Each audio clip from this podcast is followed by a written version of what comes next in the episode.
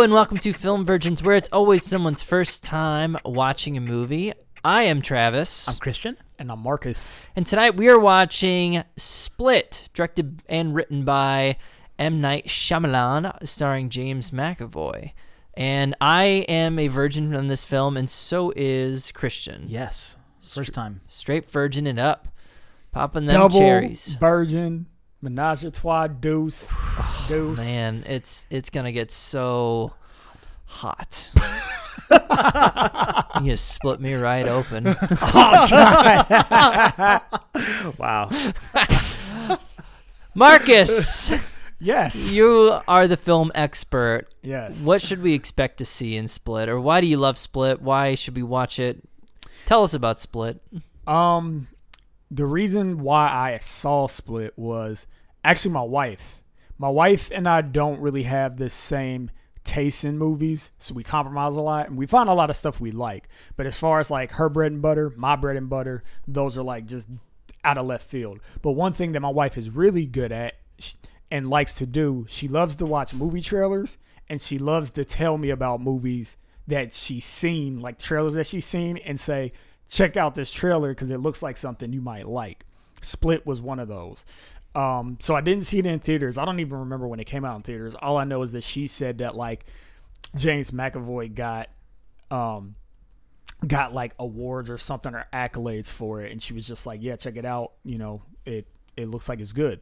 Then I found out it was M Night Shyamalan, which, you know, you would have told me that 5 years ago, I would have been like, "I don't care about this movie." But some years prior, I was told to watch the movie The Visit, written and directed by him. And that movie was kind of a return to the the classic version of Shyamalan that like he was good. Like he was basically returning to doing the filmmaking that actually got him into the scene. Like really like odd, creepy stuff that's not really horror, but you kind of don't know what it is, but it it just has this story that kind of sucks you in. Um and you know, you're just kind of along for the ride until the twist comes because there's always a twist. And um the visit kind of highlighted like what a twist is supposed to be. So I didn't think that movie was like superbly excellent, but I liked it a lot. And I was like, oh man, is he back? So then I found out that he made he wrote and directed this movie. My wife's telling me to go see it. My dude McAvoy, who's ridiculous, is in it. I'm gonna watch it. So I watched it and I was just like she she asked me like so what'd you think? Did you did you ever see it? What'd you think? I was like, I fucking love that movie. fucking love it. It's so good. Um, so I don't know what to. I don't really want to tell you to expect anything. I guess if I say expect something, it's a return to the Shyamalan of old, like pre Lady in the Water bullshit. Feels a little Pre Village. pre village. I turned on him after the Village. Yeah, the village was the first one. That was Yeah. the first really faux pas. But like, yeah, think Shyamalan back in the you know Sixth Sense, Unbreakable days. Um, and you know, like I don't think you'll be disappointed. It'll be interested to see how much you guys like it. Um, but I think you will enjoy it.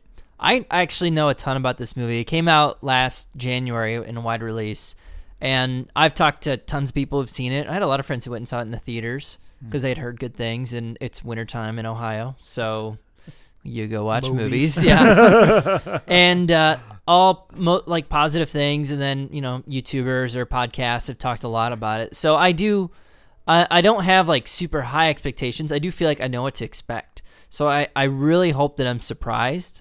I know that McAvoy's performance is supposed to be pretty infectious, so I do have high expectations for that, but I'm also really looking forward to seeing it. Uh, and I'm, you know, I like some M Night stuff. I liked, uh, I mean, Six Sense, Unbreakable. I like Signs.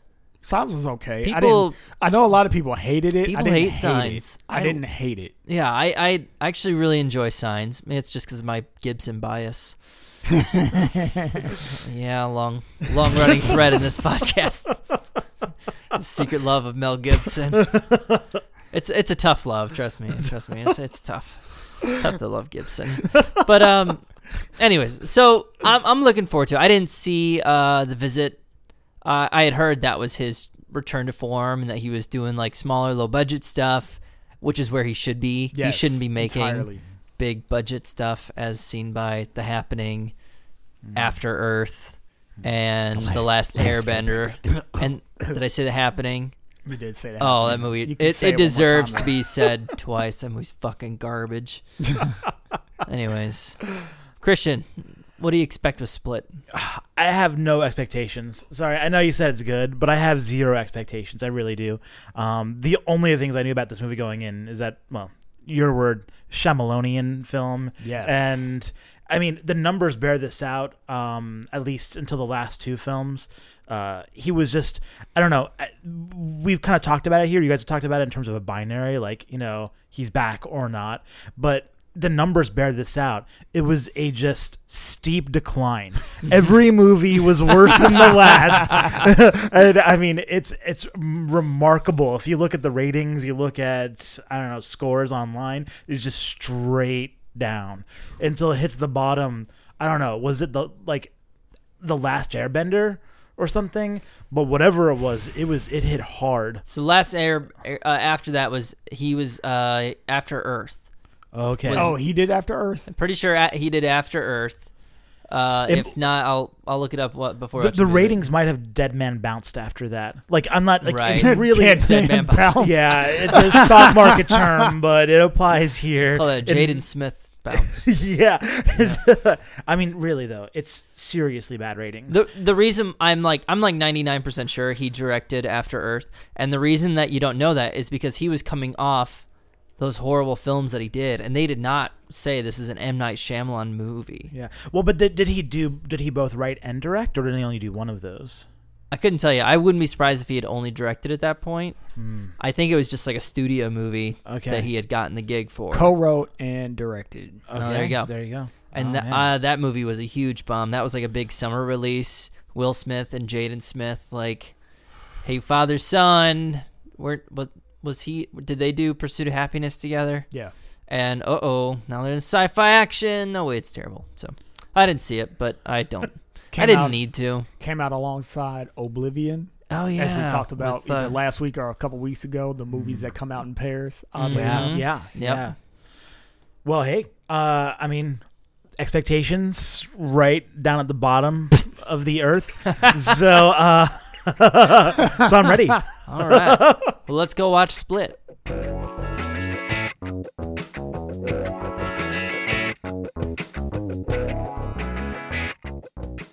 All right, and we are back, and we just finished watching Split. Like we said before, it came out in January of 2017, written and directed by M. Night Shyamalan.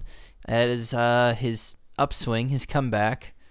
And, uh, I mean, he's really had some success because just started making smaller movies for uh, Blumhouse Pictures, who just recently did Get Out, and they've done, like, um, some, is it, uh, the, uh, the Purge movies. And did they? I don't know. They might have done Insidious or something like Did that. the Purge movies do well? they made money. Yeah, they make Okay. money. Well, so yeah, I mean they made three of them. so they make like, you know, movies for five, ten million dollars, and then you know they're genre films, and they release in more non-competitive times, and then they get a really good return. Um, and then they build these franchises, and they just did like De- Happy Death Day, which is like Groundhog's Day, Murder Story, something like that, and that made lots of money. But then they make movies like Get Out, which was kind of a like risky film, and they gave Jordan Peele like eight million dollars and let him do whatever they want. And that's actually kind of what happened here. Is Split was a nine million dollar movie, and it grossed two hundred and let's see, I got it right here, two hundred and seventy eight million dollars Wow. gross. So this kind of shows like a new business model, a new niche for M Night and genre film in general. That hey, you don't need to spend a lot of money. You just really need a good script, and we're gonna get into it. But that's really what this movie is. It's a no frills thriller with all the thrills, but none of the frills. Mm, See what I did there? witty, yes. witty repartee. We're known. I love it. We're, this podcast This is what makes us great. Ah, yes. and a wit. Um, but yeah, it's very much. I mean, there's there's a lot to like about this movie, and but it's it's it's good. I just gotta say it's good. I'll say it up top because we are gonna talk a little bit about it and then then do spoilers. But um, I'll I'll save my details. Uh, Christian, what is the plot of Split? All right. Split is about several young ladies uh, who are kidnapped by a very talented James McAvoy. Yes. Either a deranged uh, man or a talented McAvoy, whichever one you choose. He's the next evolution of human. Mm, mm. Um, hint, hint, wink, wink. so he appears to have um, multiple personality disorder. What they call in this movie DID, which is Oh. um, I forget what the actual. I think uh, they gave it an acronym, but I'm not. Dissociative. identity disorder. Maybe. Yeah. yeah, dissociative Yeah. identity Yeah. disorder. Yes. Yeah. I don't remember the Skype call. I don't. I don't remember the TED talk that was happening. um, so yes, this is about these three young ladies um, as they are held captive by this fellow with DID, and um, their attempts to escape. And meanwhile, um, this also follows uh, the psychiatrist, or not sure if she's a psychiatrist, but uh, an older lady who's treating him uh, for his DID, uh, who believes that such cases exist and they're not fabrications. Yeah, she actually might be more of a psychologist. I could be speaking out of my ass, but that's what it seems like. Okay. Yeah. Yeah, more research Yeah, that sounds type right. Person. Yeah. right, astute. I like it. Uh, so yeah, um, so that's the unspoiled edition. Mm. And get it before we get into because I want to do definitely like give some initial impressions and then do a spoiler cut. So, what were your initial impressions of Split? I also really liked it, and it's funny. It's funny that you mentioned that uh, same studio did Get Out, because I really got a similar vibe. It's kind of like Alien, but on Earth. Um, Ah, that's a good connection. yeah. but I like it when people describe it as like you know, Alien is Texas Chainsaw Massacre, but in space. so it's basically like Speed Two, except with a bus instead of a boat.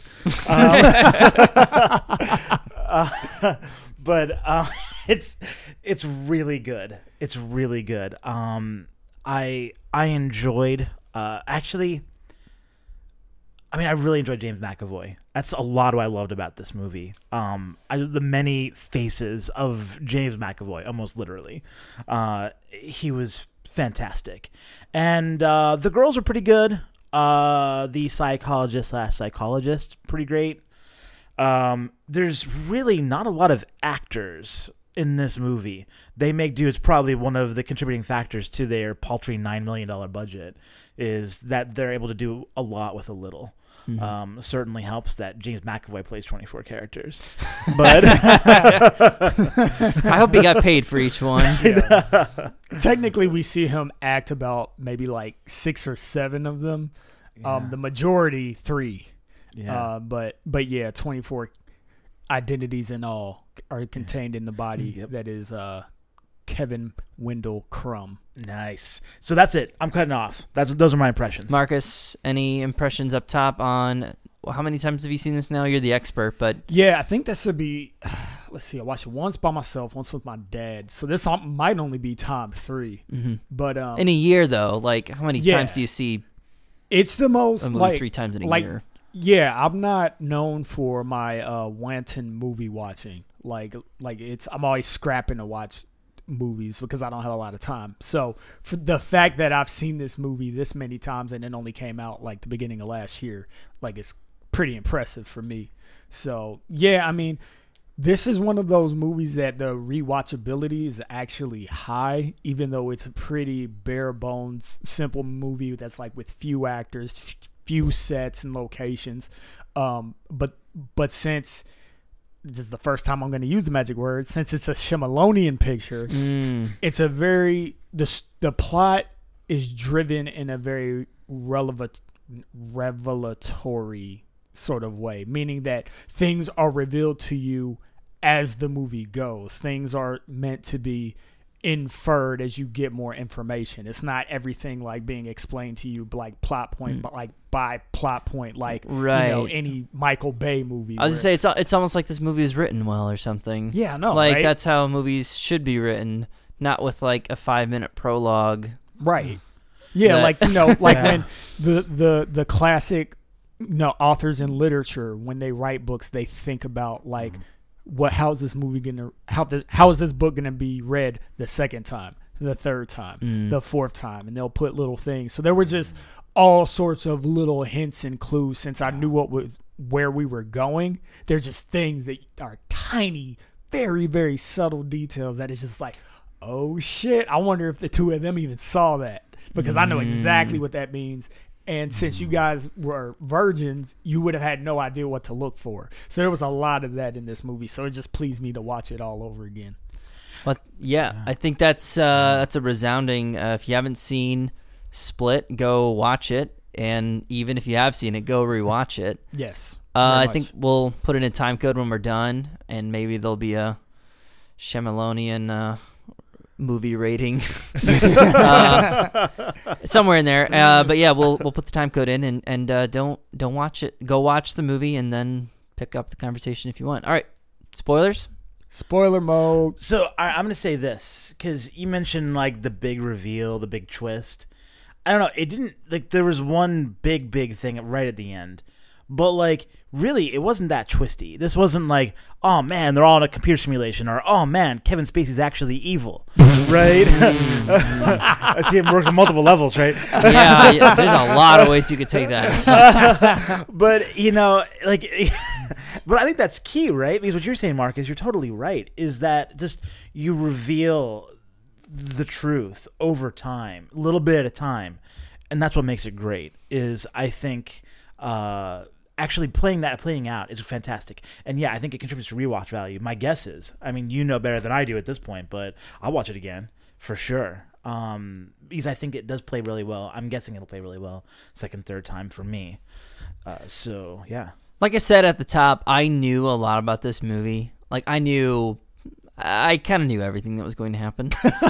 like everything. I know. that's not because he read about it. It's just because he's omniscient. No, no, no, no, no, no. Major plot points. Like I knew he eventually like can take bullets and has superhuman strength. Then basically is kind of a supervillain. I knew the unbreakable thing. I knew Oh, wait, hold on. Explain that. how do I how do I know? No, no, no, no. Let, us explain the unbreakable thing. Unbreakable Oh yeah, yeah. yeah. So there's a little post credit tag, which a la Avengers, and actually very similarly, which I'll talk about later, where uh, the news is telling the story of what had happened because obviously uh, uh, Crumb is on the loose. Uh, the victim, at least one of the three victims, got away. So the news is reporting on it, and then you're in a diner and people are talking about it. It's like, oh, didn't this happen? Something crazy like this happened with that that one guy. It what was his name what was his name? And then uh, Bruce Willis says Uh, Mr. Glass or something. he said it just like that, that. That's mr glass Mr. Glass. Come on down. uh, so yeah, which, which, if you don't know, Mr. Glass is the um basically the unknown antagonist until the very end of the movie of uh, Unbreakable. Unbreakable. Yeah, dude, I gotta say that that last scene comes on. So you enter the diner, and it's like panning around the room, and then kind of fixate briefly on on the news. That whole scene, I was like, "What the poopies?" Like, I know this music. I know this music, and they stole this music. It's from somewhere else, oh, and it was freaking me out until like as soon as I saw Bruce Willis, I'm like, "It's Unbreakable." The music's from Oh, Unbreakable. So it's the same score. It's no, yeah, it's James Newton Howard's score from Unbreakable. That's the final scene. Oh, nice. See, I wouldn't know. Yeah. I've seen Unbreakable. So that would be the or twice. that would be the scene where he says like they call me Mr. Glass. Yeah. and that music is playing in Yeah. Unbreakable. Okay. Hmm. yeah, I would Yeah. like to say, just because I want to pat myself on the back, when that scene started, I'm not good for predicting. I'm good at what me and my wife call calling it. Predicting is basically like I know what's gonna happen at the end of the movie, like in midway through the second act. I'm good at seeing a setup and then like knowing kind of instantly what's about to happen next, and I called it when the lady was like, "This is like that one time." I was like, "Mr. Glass," and then I called Oh, it. really? yeah, my first time watching it. Nice. Good So, so call. between the two of us, really, Yeah, I got yeah, the soundtrack, you got Yeah, the yeah. plot points. Yeah, exactly. uh, what about me? I've listened to people. People told me about it, so I knew too. so I knew So too. I knew. So fuck you. Through the power of rumor and innuendo. That's Yeah. exactly right. insider secrets. Or friends just saying, "Oh yeah, it's kind of a backdoor sequel to Unbreakable." It's like, oh, all right, cool. uh, this is also, I was gonna say, it's it is kind of like the Iron Man tag, and not just because oh, it sets up a sequel. It, this was actually added after the film was done. It was a late pickup, a late addition, because uh, I think the production company really liked the movie and knew it was going to be something that maybe people would want to watch more of. And uh, I mean, I think they're in the M Night game, and they're at least in this like second half of his career So Bruce Uh, Willis, McAvoy trilogy. trilogy Yeah. s- shared universe, and that's how Iron Man was. Iron Man did not have that tag until late in the game. That was like last minute boom out in the theaters. All right, we're gonna. They had planned these other sequels and eventually the Phase One of the Avengers stuff. So they added in that that little scene. So that in this same way, this movie was never wholly built around building a universe. It was meant to be a standalone mi- movie, which actually makes me happy. and that's the way it should fucking be. Yes, yes, yes. Like my dad, my dad loves this movie too, and I remember he was telling me like, "Oh yeah, man, they're gonna make a sequel. They're gonna make a sequel," and I was like, "I know, but I kind of don't want them to." Because I feel like the fact that this movie was standalone and kind of exists by itself is kind of like a like any good like really good short story that you hear about and like you don't even know who the author is and it's just like this encapsulated thing that's kind of weird and kind of invades your soul and makes you think like i like things that exist like that on their own and when you build something that's supposed to exist by itself on its own you don't leave like unnecessary unnecessarily like ends Bread- tied to the breadcrumbs. plot that it's like you know you better stay tuned for the next episode uh best example would be matrix movies you know Yeah. like the matrix sequels i don't they weren't planned at first were they I, I don't think so, and I don't think that ending is to give you any indication of future conflicts. I Yeah. mean, most of the conflicts are resolved. At least that matter. I feel like that ending is just to say like Neo's made it.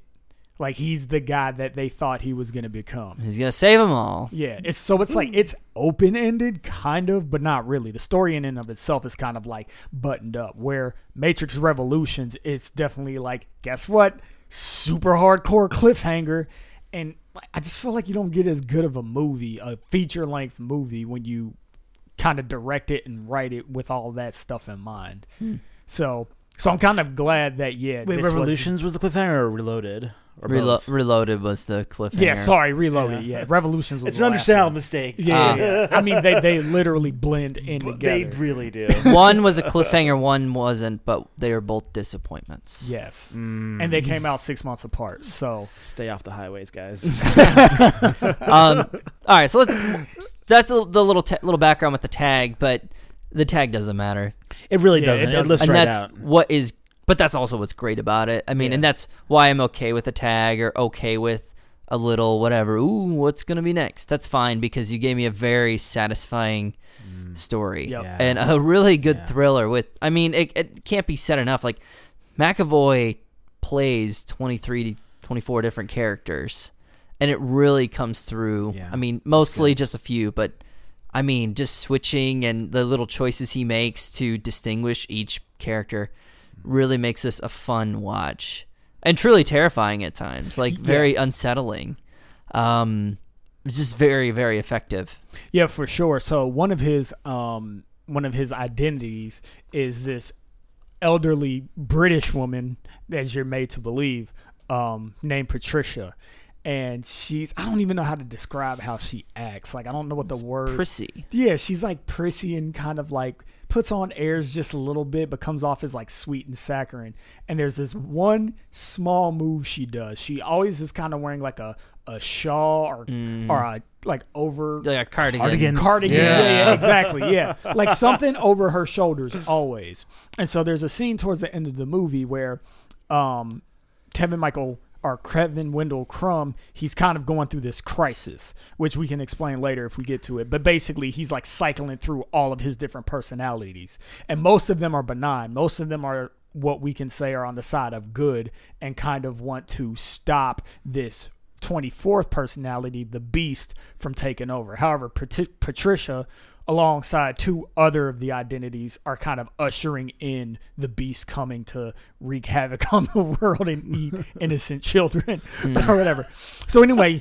He's cycling through, and all of these characters are just pleading, like, like, like, oh, we're, we're gonna figure it out. Don't don't turn us in. Don't kill us. We know this is evil. Blah blah blah. So he's freaking out, and then the the last remaining girl, who's kind of the protagonist of the movie, she's like freaking out and then crying, and then all of a sudden everything chills out behind her, and then you see McAvoy's figure, and of all the things that he does, you think like Dennis, who is like the biggest, most domineering identity, you think it's either going to be him or the beast that's going to be behind her. And it's not, it's Patricia.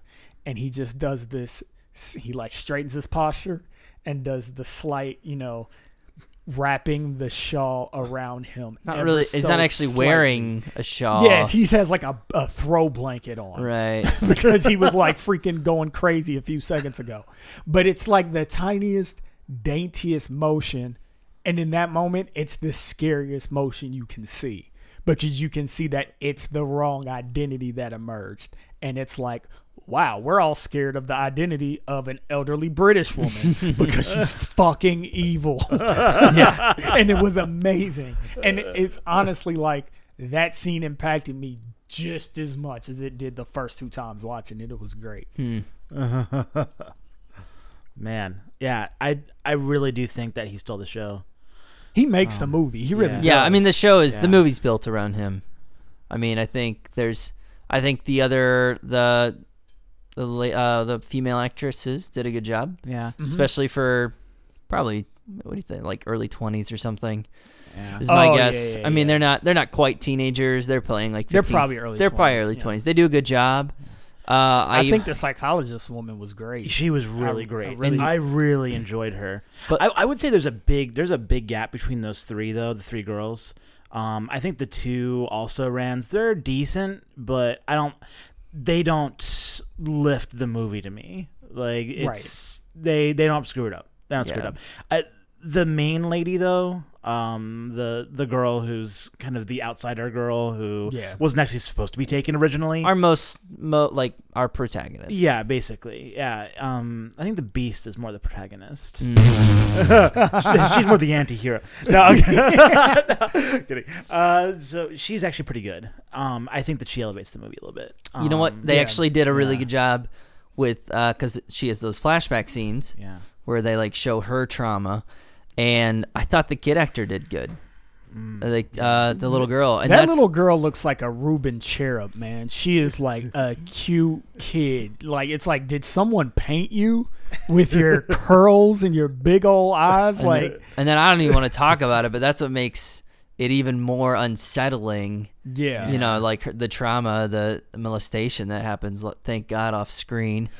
like Um, just hinted yeah. at, just like very a very elegant way to handle something weighty, but you somehow still feel the you weight of it. felt, even yeah. though they show you nothing. They show you absolutely nothing. Well, they they show you the scars from her Towards the abuse. end. Yes. But Uh, I bef- think but that's- before you see the Yes. scars, it's it's Yeah. even it even has like a pretty hard impact. Yeah. Oh, absolutely. Yeah. Um, I thought that actress was good. Uh, the child actress, which doesn't always happen. No, it doesn't. Um, Star Wars Episode One. I can name a hundred others. I love Home Alone, but God, Macaulay Culkin sucks.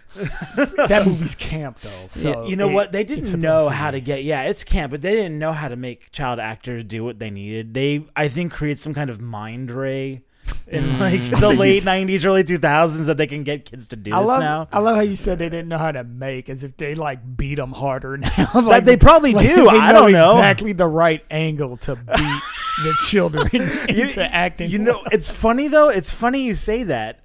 Uh, actually, no, it's not funny you say that. That's not funny at all. But, but honestly, one of the best early movies with a kid actor, I think, was probably Sixth Sense. Haley Joel Osment was pretty decent in Sixth Sense, Oh, yeah. and I mean, I remember, I remember specifically thinking, "Wow, this is a rare occurrence." But after that, that kind of like broke the dam. And after that, I mean, there's all kinds of great examples through the 2000s, 2010s, like True Grit and oh yeah, um, girl, Moonrise Kingdom. awesome. yeah, Moonrise Kingdom had a lot of kids, and and they were all really great. Um, I mean, even something like, it, as we're talking about Wes Anderson, even uh, Royal Tenenbaums, uh, the, Yeah. the two Ben Stiller's two kids were fantastic. You know, they didn't do much, but you know, that's the main thing with kids. Just don't let them do too much. A, a really really good example is um, Stranger Things. Those kids are a little bit older, Mhm. but um, they're good. They, Yeah. they got a really really good crop of Yeah. young kids. To, That's a great example. Yeah. yeah, yeah. Man.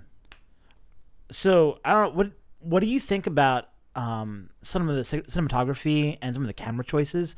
And because I I noticed that I don't even have an eye for these things, but I noticed sometimes when uh, the camera was kind of pulling in on, especially James McAvoy, and they made use of it. Sometimes uh, it would go almost purposely blurry. Uh, I I loved it. I thought it was really cool, but I, I guess I don't know that much about it.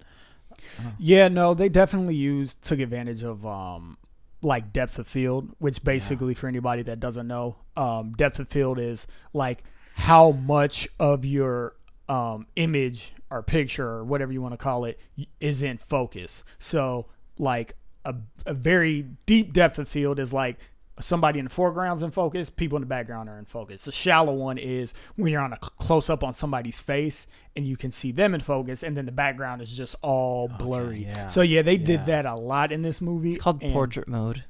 portrait mode.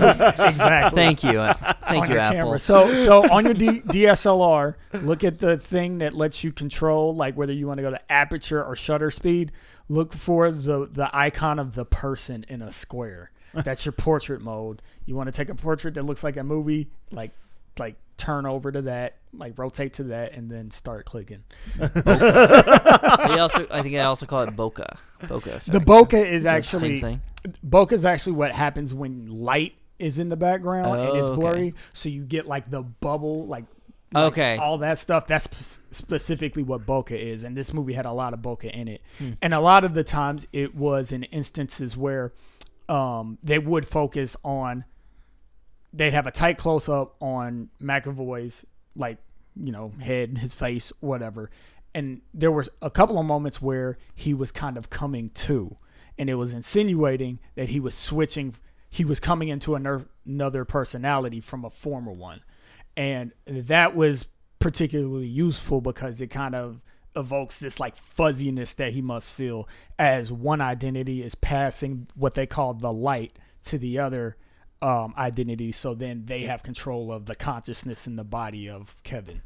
Very cool. There was a lot of that in there was good. There were a lot of interesting choices when the the three girls their first plot to escape basically they find a like a vent through the ceiling and one of the girls crawling crawls through it drops down in this long hallway with pipes and she's just kind of like half walking half running down and they just have this long shot of her basically walking through these claustrophobic pipes and it's just I love that shot. It's dope. They hold it for like 10 or 15 seconds. Just her just walking through the hall. Super dope stuff like that. There were very intentional uh, moments where they kind of broke the frame. Somebody would be talking, but for whatever reason, like their head just like just above the chin was out. out of frame. But you still hear them, you still see their body and their motion and stuff like that. And it helps to create this kind of tension in what's going on. It's almost kind of like you almost want to look under underneath the TV to try to see what they're saying. Hmm. so it's, it adds an element of like discomfort because you can almost see the person's face, but they block it from you and you can't. So yeah, the cinematography in this movie is dope. Like I I, I like just salivate thinking about the cameras that they're using and the lenses that they're using. It's just like um It's super well shot. yeah, very well shot. I want to know how much of the budget was just that. I don't know anymore with like digital. Like I think your main cost is like getting a good DP, a good director of photography, you and go. then after that, like digital cameras, they like they lease them. The film doesn't cost any money. Like I think costs have actually gone down in quality with like Red and other uh, digital camera uh, uh, ma- makers have made this like strangely achievable. nice. Um, yeah, it's cool. Uh, let's. I wanted to talk for a second about mental health. What does Split have to say about human trauma, and whether it is a debilitating uh, impact on someone's life or some kind of formative experience? So at least I'm not sure. I'm not sure what the movie is claiming, but certainly uh, the Beast claims that trauma gives you strength and helps you ascend to. Yeah, to maximize your potential. So I, I don't know. I'm not sure that that's actually well supported by the data.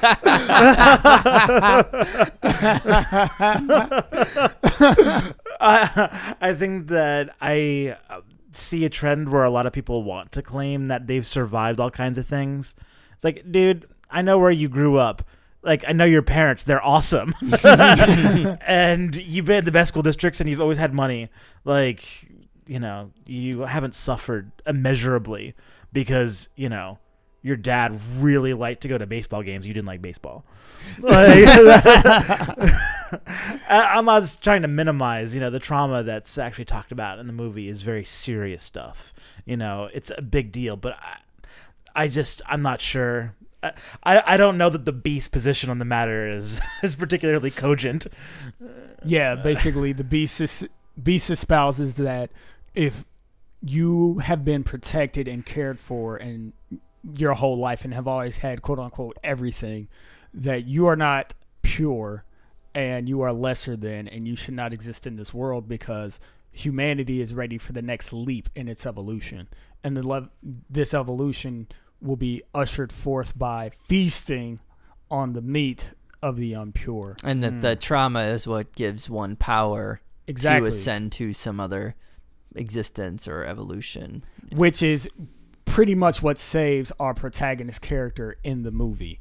Um, not, not even her own efforts. And of the three, she is clearly the most competent as far as like trying to understand her situation and what to do in crisis. Survive in it, yeah. Yeah, pr- pretty much throughout. Disassociate and dis- disassociate and all that, yeah. Yeah, like through the whole movie, she's the one who's making strategy and she's the one who's trying to basically handle the situation like, you know, walking on eggshells as she should because she's dealing with a crazy person and she realizes it. She and she doesn't just realize that the person's crazy, she understands that the person is crazy, which the other two girls don't really, Yeah. which I mean you can't fault them. But um, but yeah, e- even with all this savvy and at the end getting a shotgun and, and blasting the dude twice, the thing that actually saves her is when he's about to feast on her flesh, he sees that she has scars from her years of trauma from her uh molesting malevolent uncle. And cutting and Yeah. yeah. Okay, so is that is this sign of abuse from the uncle or sign of cutting self mutilation? I It thought could- I thought it was cutting. It could like honestly, I think it's probably that too. Um, I feel like I saw some things that may have been cigarette burns. Um, but but yeah, I mean, I guess it's a safe. It's safe to assume that it's self inflicted, but we don't we don't get it explicitly. All we know explicitly is that her uncle has probably been molesting her like almost her whole Yeah. goddamn Right. Yeah. Yeah, and like that evidence is that it's almost certainly sexual, so we don't know if he. That's that was my inference is that there's Yeah. no actual evidence of like uh, any Him kind being of being violent, he's more just kind of that yeah. that kind of violence. Yeah, is more the sexual deviancy right. that he's exacting on her. I mean, there's obviously a threat. He does make a verbal threat Yeah. towards uh, the last flashback. He's like, "That's not gonna be a problem." Yeah. So that I mean that could be a and actually right because this is it's almost kind of her redemption of actually shooting McAvoy with the shotgun is she felt to do that with her uncle. But when she felt to do that you have that look on his face like you could have killed me. And then you like and then it, it just cuts away and you're like oh did he get angry? I don't know. Did he get Yeah. violent? Hmm who knows? Hard to tell. And it kind of jumps around. It's not entirely clear True. whether or not you know her father was alive to protect her at that point. Um, we you know in in the order of the movie that happens before the scene where it discloses that her father died of a heart attack. But to the point of uh, to the point of whether or not uh, trauma gives you strength in that way i don't know. It- well, okay so my favorite character not necessarily the best actor was the father of the popular girl he's in the movie for 45 seconds really good meaty 45 seconds at the end of which he appears to be killed unceremoniously Oh n- I- No, no, he's he's not, not, killed. He Uh, drugged him and dropped him off. Very oh oh how do you know this news story. It's it's way in the background. Oh, it's in the background? toned down. Yeah. because I was I was wondering about okay I'm glad this is I'm glad to know my favorite character is alive maybe he'll be in the sequel but like but you know I mean, the thing that was occurring to me really was that I don't know they ask him at him once the the popular girl's like where's my dad and then there's like no answer and then she just drops the matter So- but he was actually trying like and he's actually a good guy at the very beginning he's like all right we're gonna make sure to give her a ride home you know Yeah. and you know good for you for being a good friend i don't know it's like a cool guy I mean, you have um interesting that he would you know choose to attack these people that appear to be kind to folks with drama i don't know Hmm. Yeah, I was just curious what you guys thought. I don't. I don't.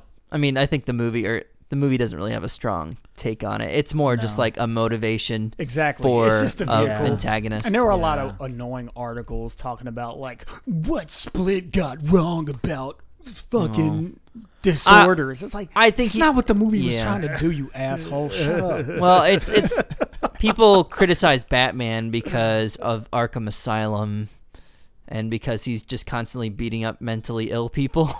that murder, folks. I know, I know. And uh but like, like, like, Scarecrow? like. There's. I'm sorry. There's not a whole lot of episodes of any Batman where the people were just being wacky. Right. Like, I'm well, if they were, it's because of Joker Venom toxin, and there's a reason for that. It's not their fault. Yeah, They're I'm pretty sure though if you go through the catalog, there are plenty of times where Batman is pulling his punches on the people that aren't actually like real threats. Right. You know, and I don't think. And is Arkham Asylum like the only place that you can be committed? Because to me, that's the criminal asylum where the criminals Well, go, there's- there's- and then they have regular ones everywhere else. The Blackgate. Blackgate is the prison. Arkham is the asylum. Ah, okay. So yeah, I mean, it, whatever. The point is that yeah, that people can, I, people who need to write blogs need things to bitch about and use pop culture as a way to get clicks, and so they take these very surface level takes as if their audience is unable to, to distinguish fact from fiction or hmm. you know real life from drama. Especially in even in like genre where it's like this movie doesn't even attempt to like paint a, a realistic picture of hmm. Many things. That's not the point of the movie. The point of the movie is zoos are nothing like that right. Where is this zoo? this cavern. this endless hallway. Why are there apartment rooms in here? Who's letting him live there? is he paying rent? Does he get paid in room and board? yeah does he design dresses for the animals Ah. yeah Barry. yeah Barry's probably my favorite. And ma- going back to McAvoy's uh, performance, so there's the um the identity that is supposed to be on the white market the leader, and the black market Dennis and Patricia are the leaders. But on the white market, Barry's the leader. He's an effeminate uh, fashion designer, basically, and Dennis keeps visiting the psychologist in the guise of Barry so that she doesn't get wise to anything. One of the things that I thought was so awesome was you don't actually even meet Barry's true identity until the end when he's doing his uh, video log. yeah And the subtlety that McAvoy made in the difference between how Barry really acts and Dennis's version of Barry was like ridiculous to me because they're very, very different. But like you can tell what, like how Dennis, a completely made up fucking character, is trying to act like another made up fucking character because McAvoy can just do that apparently. And the direction and the writing was good enough to really like drive that home. Like the subtlety in the personalities and, and in the performance, like I just mm. can't they can't be overstated. Mm. It There's a- was there's a- absolutely phenomenal. There's a lot of layers happening. My favorite was the Beast. Uh, I like his energy conservation policy and, and his mandatory hug policy. Give hugs, not drugs. You know. Explain that, please. So uh, there's Sure. a scene where he's coming for the for the protagonist, and he's just basically crawling along the ceilings, punching out lights. Uh, and then there's also a scene with the psychiatrist slash psychologist where he gives her a big old bear hug and breaks her kind of back, kills her. yeah, kills her dead. That's an Yeah. awful way to die. That's what I was thinking the whole time. It's like, ugh. Yeah. I don't know. And, and and that was definitely a nod to the uh, boa constrictor. Mm. Their oh yeah, that. because that's their choice method of killing. Well- Basically, they squeeze, wait for the animal to exhale. When they exhale and their chest cavity contracts, he contracts a little, or the snake would contract a little bit more until gradually they suffocate them. They don't break them in half. They tip, even though they do break their bones and stuff, but what kills them at the end of the day is like asphyx- asphyxi. You know what I'm trying to say. Asphyxiation.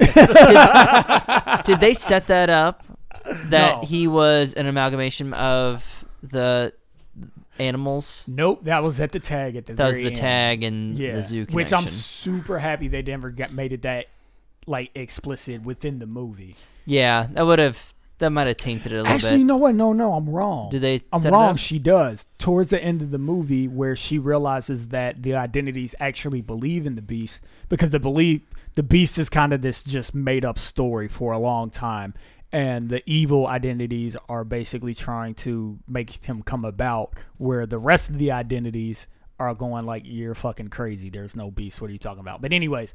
When he reveals that to her, she goes like, "Can't you see that this beast is just like a combination of like being in this place. So maybe it's not completely explicit because I don't think Oh, she yeah. she says because you work at the zoo. Well- this is what the beast is. I think she just says like since you're in this place, that's where the beast comes out of that. I remember that line and just assumed it was like because of his isolation. right. And that's what you're led to believe because you don't know that they're actually in the basement of a zoo. Until like the very end where the girl gets saved. Yeah. hmm And yeah, that's pretty smart there. That's Mhm. that's pretty good. I mean, because it makes sense, and then it makes even more sense when you look back on it. Yeah, that's good. yeah. Hmm. Uh, well, why don't we get into our next segment, turnoffs. Mmm. Turn offs. Ugh.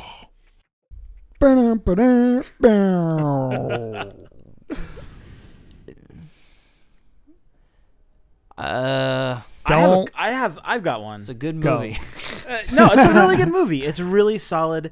Um, boy, this is going to be the most ironic turnoff of all time. I got one. yeah, but uh, you know they uh, one of the plot points apparently is that um, well, I guess it's Dennis is a little naughty, and Naughty. I think he likes dancing with underage ladies. no, he doesn't like of- dancing with them. He Oh. likes making them dance for Oh, that's him. right. Yes, and in various states of undress, and he is also kind of OCD a little bit, and doesn't much like disorder or dirtiness, and so he just asked them repeatedly, like to shed layers, and uh, it, I don't think it's bad, and it it sets up one of the more interesting uh, moments of the movie. Um, when uh, the protagonist re- like removes her last layer and reveals the scars, uh, and there's a line in that says, "Boy, you like to wear lots of shirts,"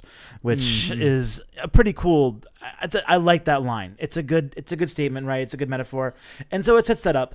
But ultimately, it felt a little manipulative to me. Um, it was just like an excuse to be more tantalizing. Uh, and I think that it's a well trodden path in the genre enough that it almost felt cliche.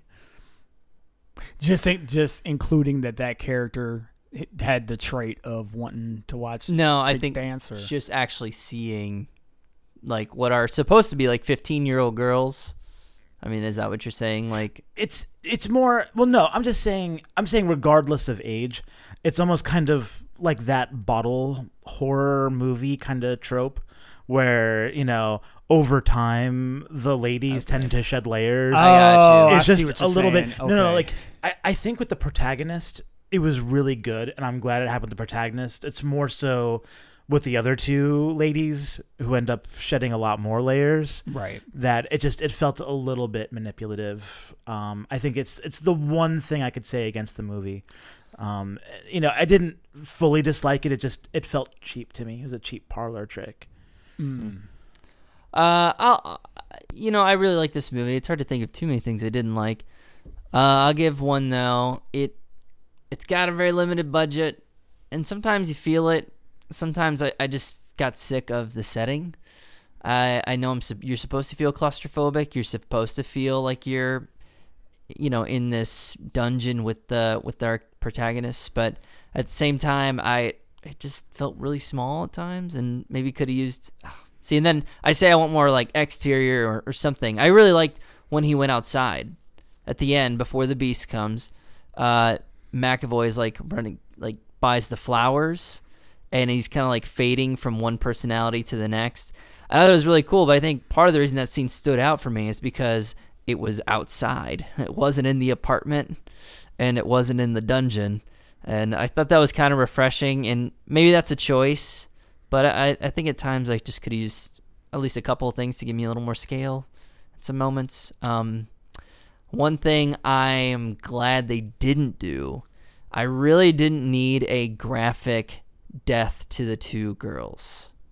And I'm glad it was it was just enough, you know, hey, they're dead, a little bit of gore and Just enough to like make you feel like shocked and scared. You're right, like- like- just a feeling that oh they're fucked instead of like torture porn which i mean a lesser movie would probably do for a cheap thrill um an eli roth film for example Oh yeah, definitely. fuck him fuck him i fucking hate eli roth movies but um He's gonna come in here with a baseball bat and Oh, knock you the fuck out. Dude, torture porn you. Ah! Death by Roth. Um, oh, that's a good movie. Uh, I would watch that. But any- yeah, anyways, I, I thought so. That's yeah. I was. I mean, that's a praise and not necessarily a turn off, but that's definitely a could have been a potential turn off. And I'm glad they avoided that trap. Wow, if we're gonna do potential turn offs, I know. I gave you one. I gave you a real one, and then kind of like I'm uh, really glad they didn't put Pee Wee Herman as the role of Kevin. I, I feel the movie should be praised for that decision. Yes, good job. Movie. Apparently, I'm being shamed for it. They could have wrote it worse. I'm glad they didn't. Could have put worse lighting. Yeah. I'm glad that they expended effort. um, turnoffs. God, I love this movie too much, which is why I recommended it. Um, trying to think. Don't molest kids. That's kind of a turnoff.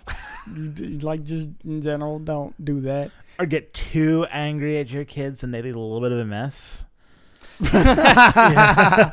yeah, that too. Don't Yeah. beat your kids with a hanger or whatever she was gonna do to them Getting them. with a hanger. You got to get them under the bed with a hanger. Yeah. Did you know how to parent? apparently When they're not. hiding Yeah. from you, you got to get them out. All right, you need to write a book on this. God, jeez. Um, I guess this isn't even a real turnoff, but it's just for lack of being able to think of a real one. Um, Shyamalan, good job making a movie. Good job on The Visit. You need two more from me, and I'm I'm back on Team Shyamalan. Just give me mm. give me two more, but you don't have to be in them. Like Oh yeah. like I know That's a good one. I, I know Yeah. that mm. you know it's your movie, and at the end of the day, I have I'm a part of a podcast that three people listen to, and all three of them are sitting here right now. it's the world's biggest echo chamber. yeah, but um, but like yeah, it's just like you know, you know, don't. And he didn't even give himself enough time to be bad. It's just kind of like your face is goofy. Like get, get out of here. When, when Tarantino shows up, he does something memorable. Yes. Like When he- like drops n bombs. yes, he does that. he does that. I was thinking of Django where he blows himself up. yeah, Django was probably the most time he spent in any of his movies. Wait, that was more time than Pulp Fiction? I feel like Pulp Fiction there was a lot. I don't know about more time, yeah, yeah, it might be close. It might be close. but yeah, he he does something memorable. Uh, M Night just kind of shows up. To use the computer. Yeah, He's I- a computer user. However, I gotta say that I don't know if y'all heard her. What that's actually one of my favorite scenes because like the psychologist is basically getting some film footage from. He looks like he might be what the landlord or something. Maybe he's not the landlord. Whatever. He has access to the this security. is super. Yeah, he's probably super. Um. Anyway, she's like getting on him about like eating Hooters wings, and basically, I don't know the. I want to learn the lines, but they were great. It was great writing. She basically like eloquently questions why he would like partake in these high caloric wings at a restaurant that's you know has a bunch of women parading around with fake breasts but the way that it was written was just like shakespeare i kind of want to like go look for it and memorize the line because it's really really good so if you're gonna watch the movie like keep a special ear out for basically how she's just ripping them apart for eating these wings it's great Well, was it good for you? Was it good for you? Recommendations. Mm. Uh, and the cherry rating. yes. My cherries. Cherries I'll I'll start. Uh, I mean, I yeah, I really recommend this movie to any anyone looking for a thriller. Um, I don't think you need to be too sensitive to you know be turned off by this movie. I do think it has a few things that might unsettle you, but that's the point of the film. That's what makes a good thriller is where you feel tension, you feel danger, and it's super good at that. And McAvoy's performance is just top notch. She's makes every scene instantly watchable, and you constantly are wondering what's going to happen next. And uh, I even say that as somebody who knew basically how everything plays out in this movie, and I was still like totally captivated by it. Uh, so anyone looking for a good thriller, like give it a watch. Don't let the M Night taint you. Don't let the Village keep you from watching Split because Split's a good movie. and I'm glad that a lot of people watched this movie. A lot of people talked about it. Um, so I'm glad that I got its recognition. I'm glad it didn't fly too far under the radar.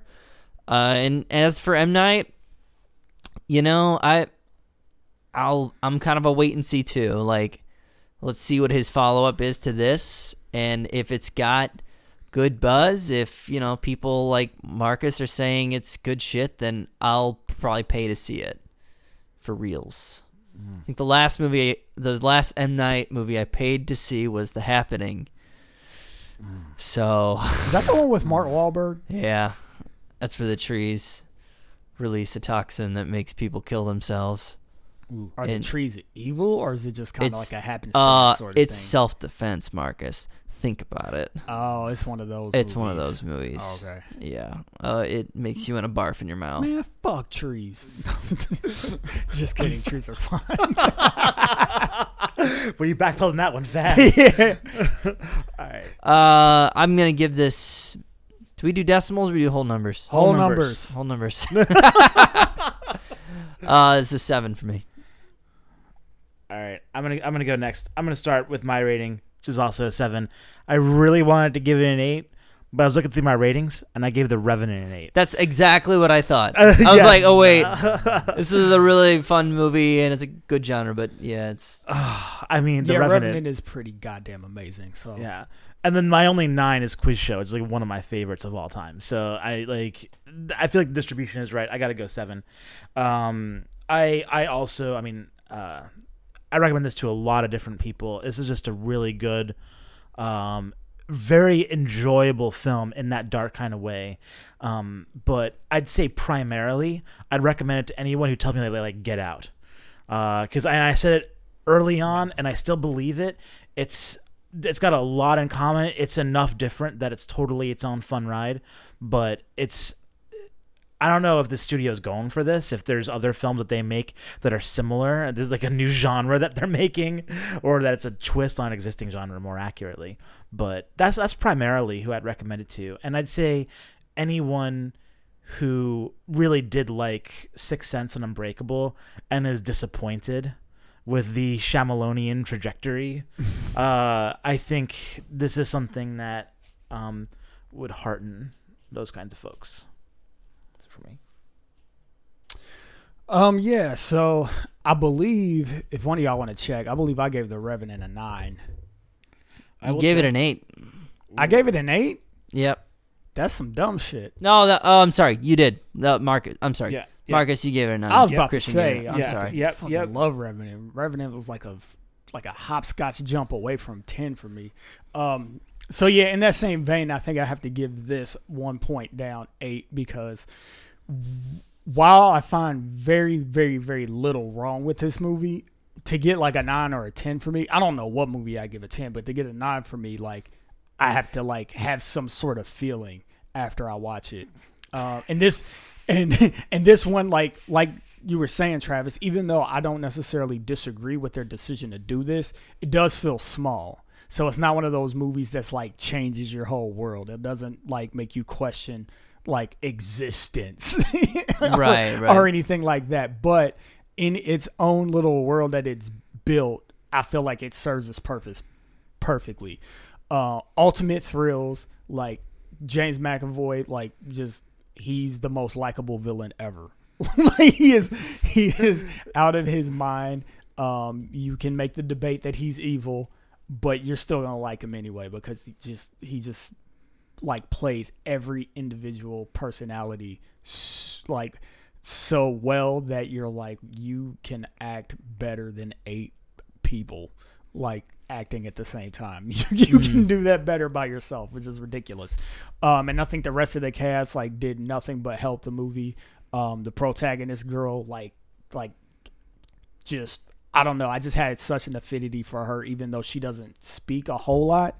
Um, just like her expression and just what she's gone through, like you really, really feel like you're bonded with her through this whole experience. Um, so yeah, it's just a good movie. Love it. Um, as far as my recommendations, basically, man, if you miss old Shyamalan, watch this Yeah. pretty much. Like if you liked sign, like yeah, it, maybe if you like Signs, um, definitely if you liked Unbreakable, definitely if you liked um, Sixth Sense. six Sense for sure. Especially if you liked Unbreakable, actually, since they're gonna do the follow up that ties into Unbreakable. So you know you might want to stay up with that. And um, yeah, anybody that doesn't that wants Shyamalan to come back, you saw the visit, you saw. And you- you're like, He learned on. his lesson. Come on, give us two more. Give us two more, and we'll like you again. Do it. And also for people who um, want to build a movie collection where you want to watch movies that have a lot of rewatch value that aren't like you know, oh, let's watch Avengers again. But something that it's like, oh, let me watch this again, and it's not in the background. I actually want to watch this movie for its own sake again, just to like point out the little details and you know have a new perspective on what the film actually is. So our uh, cumulative rating is seven point three. Um, it's good for the seventh best movie of all time on the podcast. It is behind, uh, starting with the first uh, quiz show, Revenant, Kingsman, uh, the first one, uh, Bad Santa, and The Book of Eli. So not bad. Uh, I question a few of those orders, but I do too. Question my own ratings as I, look through these. I know. I think uh, you know hindsight's twenty twenty, but I think this is a much better movie than The Kingsman. It it probably is in a lot of ways. In terms of what it accomplishes with what like uh, weird concept. Think about it like percentage wise of like budget to enjoyment. This is Right. a, an exponentially more effective movie Oh, for Yeah. sure. and a better script and Yeah, this this movie produces more food than fuel that Yeah. it consumes to make it.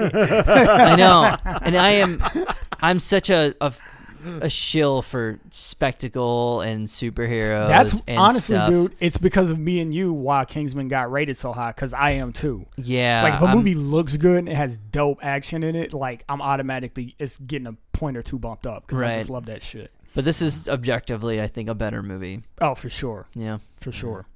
Well, there you go. Go watch. Uh, go watch Split. Don't put put Kingsman down. no, put Watch it it later. Do not watch the sequel. Don't maybe watch that. Uh, yeah, if you want apparently. Quickies. Time for a quickie. All right. Well, I'll, I'll get us started, and Marcus, feel free to jump in because uh, token podcast Marvel discussion. Yep. I went and saw Black Panther this weekend. Um, for posterity, this is uh, a few days after the opening weekend, and uh, it's probably the most overrated Marvel movie of all time. Not to say that's not good. It has a 97% on Rotten Tomatoes. Yeah, it's not worth the It's not a 97. Uh, I think It has the Wonder Woman effect. That's what it is. exactly It's what it effect. It's it's people you can't you don't want nobody wants to say it's bad. People like it for what it represents more than for like the movie it actually is. Black people love it because it's about black shit. White people are scared to say they don't love it. It's an important film, Marcus. but in in a lot of ways, it's too bad they went so hard in that direction. Yeah. Because the best part of the movie, and Christian hasn't watched this, so we're, we aren't going to spoil it or anything. But um, thank you. Uh, the best parts of the movie are its themes, its plot, its relevance, and the actors. Like Yeah. the things that people really like about it. They like the representation, the cultural representation, majority black cast, um, some actual like relevant themes in a Marvel comic book movie, and Marvel has not been good about that. Um, they don't usually take anything too serious. And this definitely goes more in the serious direction where you can think a little bit about what the movie's trying to say or the questions it's trying to ask. And I, I praise it for that. Uh, where it fails is mostly as a comic book movie. Um, probably would have been a better drama. It would have been better, like pull down the spectacle and really grounded a little more because I, it, I, where the movie fell flat for me was uh, in a lot of the heroics, and the fight scenes are pretty bad and they're Yeah. long. Yeah. Some of the best parts are where actually it feels a little bit like a James Bond movie. And they kind of do this for a little bit. And I thought the movie's going to go in this really interesting, like, action direction. And then it just became like every other superhero film, film we've seen lately. And that was too bad. Uh, I think the CGI needed a lot of work. Yeah. And that's all too bad. And plus, there's a really bad final battle. Yeah. That the was third act is where the movie like goes from like a solid B plus for me to like a C. I Yeah. just uh, I it has a lot of things going for it, but it just at the, it just didn't really stick the landing. Yeah, the me. foundation is strong. The Yeah, foundation totally. is very strong. Um, but you know, just just like the classic issue with Marvel, you know, like they try they try to do too much and put it Mhm. all into one movie, and and I don't even think necessarily that they try to do too much plot wise, which a lot of superhero movies are guilty of. I think they try to do too much, like with what you're saying, tone wise. Like, is this a gen- is this a drama? Is this a like you know socially conscious film? Is this a spectacle? Is this your typical superhero thing? Like it's trying to do all of that stuff, and so you know you you you have to pull away from the potential because honestly, I was having a conversation with some people and they were saying Killmonger. One of my friends thinks Killmonger might be the best Marvel villain, and I'm like potential. I think if you would have spent a little more time with him, maybe. But the fact that they didn't have that time to spend is kind of what hurt that in my eyes from him being like the best villain or whatever. as But- a, as a character, he's not fleshed out, but he probably has the the best motivation and the best pathos of any Marvel mil- villain. for sure. And for that, I'll I'll praise. And Michael B. Jordan's great. So. and my, and it's Michael B. Jordan, Right. So, So- instantly, like, I'm gonna like. I mean, you have to be really shitty to like not work because that's just how good he is. Yeah, but at the end of the day, it's still worth seeing because it's still a fun watch. Like I enjoyed it a lot, even though I didn't think it was great, um, like everybody else does. But you know, if you like the superhero stuff, watch it. It's you'll you'll have a good time at the very Yeah. least. Get your white guilt ready. Mm. My body is ready. so, uh, I've been watching because I like to stay about six months to a year behind the curve. I'm watching the second season of Stranger Things. so, I've seen two and a half episodes and I don't give a shit. So feel free to spoil as much no, as you want I'm not spoil anything. It's funny. In contrast, I'm actually quite enjoying it. I, I'm gonna say this: this is, this whole quickie is gonna be a rant, right? Against the perils of binging. I think binging is the worst, right? When you binge something, you can't form the same kind of long term memories and attachments with something. It's like cramming for a test. You lose it completely within a year. It's incredible, and I, there are uh, there are literally shows that I've forgotten that I watched on Netflix, and I look and it's like, oh, there's a record that I watched it because I watched it in three days. I I'm not proud of it, guys, but I'm just saying it's happened, and I've been actually deliberately, intentionally spacing out my watching of Stranger Things, and I am not one of those people. I think Netflix shows are a good cut above broadcast TV, but they are by no means the pinnacle of television. But I have to say, I'm enjoying this way more than I've enjoyed other Netflix shows because I've been spacing it out. I think, um, and uh, I mean, also, I, I I think it's I think it's a decent season on, on its you know on its own, but uh yeah i've been enjoying it i think it's i think it's nice i think it's got sean astin i think he's surprisingly good um he looks the same. He's still fucking Oh, Samwise yeah. Gamgee. he's still Oh, sharing the load it's incredible but yeah that's it stranger things season two also don't binge Don't Mm. binge. Speaking of the, the the theme of binging, this is gonna be my official quickie. Sorry, Oh, even yeah. though I jumped in. Um, but I've been reading Ready Player One, which my wife knew I wanted to read that, and the movie's about to come out in the next month, so she got it for me, and I'm like, yay, wife. Anyways, what what does that have to do with binging? Oddly enough, what's cool about reading and what I miss from like reading novels that are dense is that like you can binge a novel because reading a novel is actually made to binge like you can you mm. can burn through like 20 to 30 to 40 pages a day and it's like oh yeah you're doing it right. Yeah, Like- like, yeah, you're agreed, reading yeah. you're reading a book. Like this is what you're supposed to do because you get all of the nuances and details and stuff. And um, for those of you who aren't aware, you know, Ready Player One coming out in theaters, I think it opens March 23rd, if I'm correct.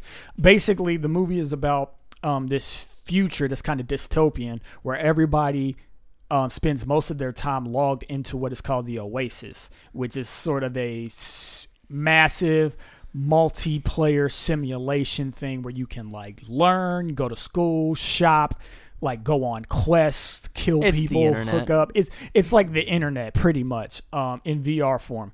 Um, and basically, there's, there's this contest going on. The guy that created this died, and he's going to leave his whole estate to whoever can find his like secret treasures that he's hidden somewhere in the oasis. But the oasis is like not even like country sized or planet sized. It's like thousands and thousands of planets that you get you actually can travel to by either flying light speed with a vehicle that you must buy, with fuel you must buy to power that vehicle, or you could pay higher tariffs to teleport from world to world. Anyway, the reason why I go into this much detail is that, like, the detail that they go into in the book of what the Oasis is, it's so fucking good.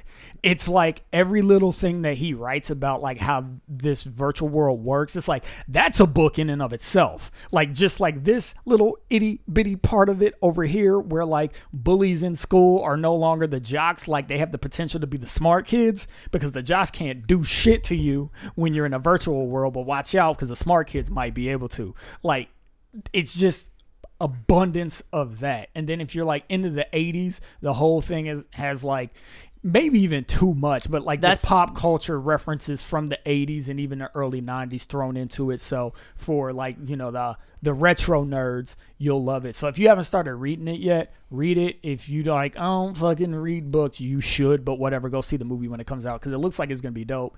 Spielberg's doing it, so hopefully at the very least it'll be pretty good. Um, but the book so far I'm five chapters in and I love it. It, that is literally the most compelling quickie I have heard. I am so sold. Like you're speaking my love language here.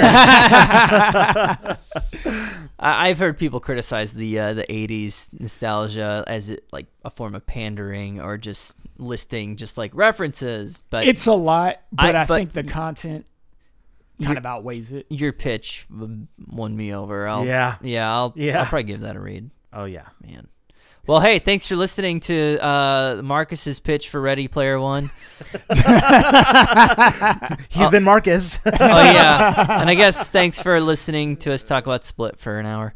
Um, yeah, check us out. We have an Instagram account that we're trying to build. It's uh, Film Virgins Cast, and then we have a Twitter too. Film Virgins Cast at Twitter, and yeah, we have a website where it's filmvirgins.com, and you can see the cherry ratings and download episodes, all those good things. See some stuff. Um, and not even just the first ten or anything, but all of them. all of them. We fixed that problem. Uh, well done, Christian. On both causing it and fixing it. I don't know if you caused it. I'm sure that I did. All right, I have been Travis. I'm Christian.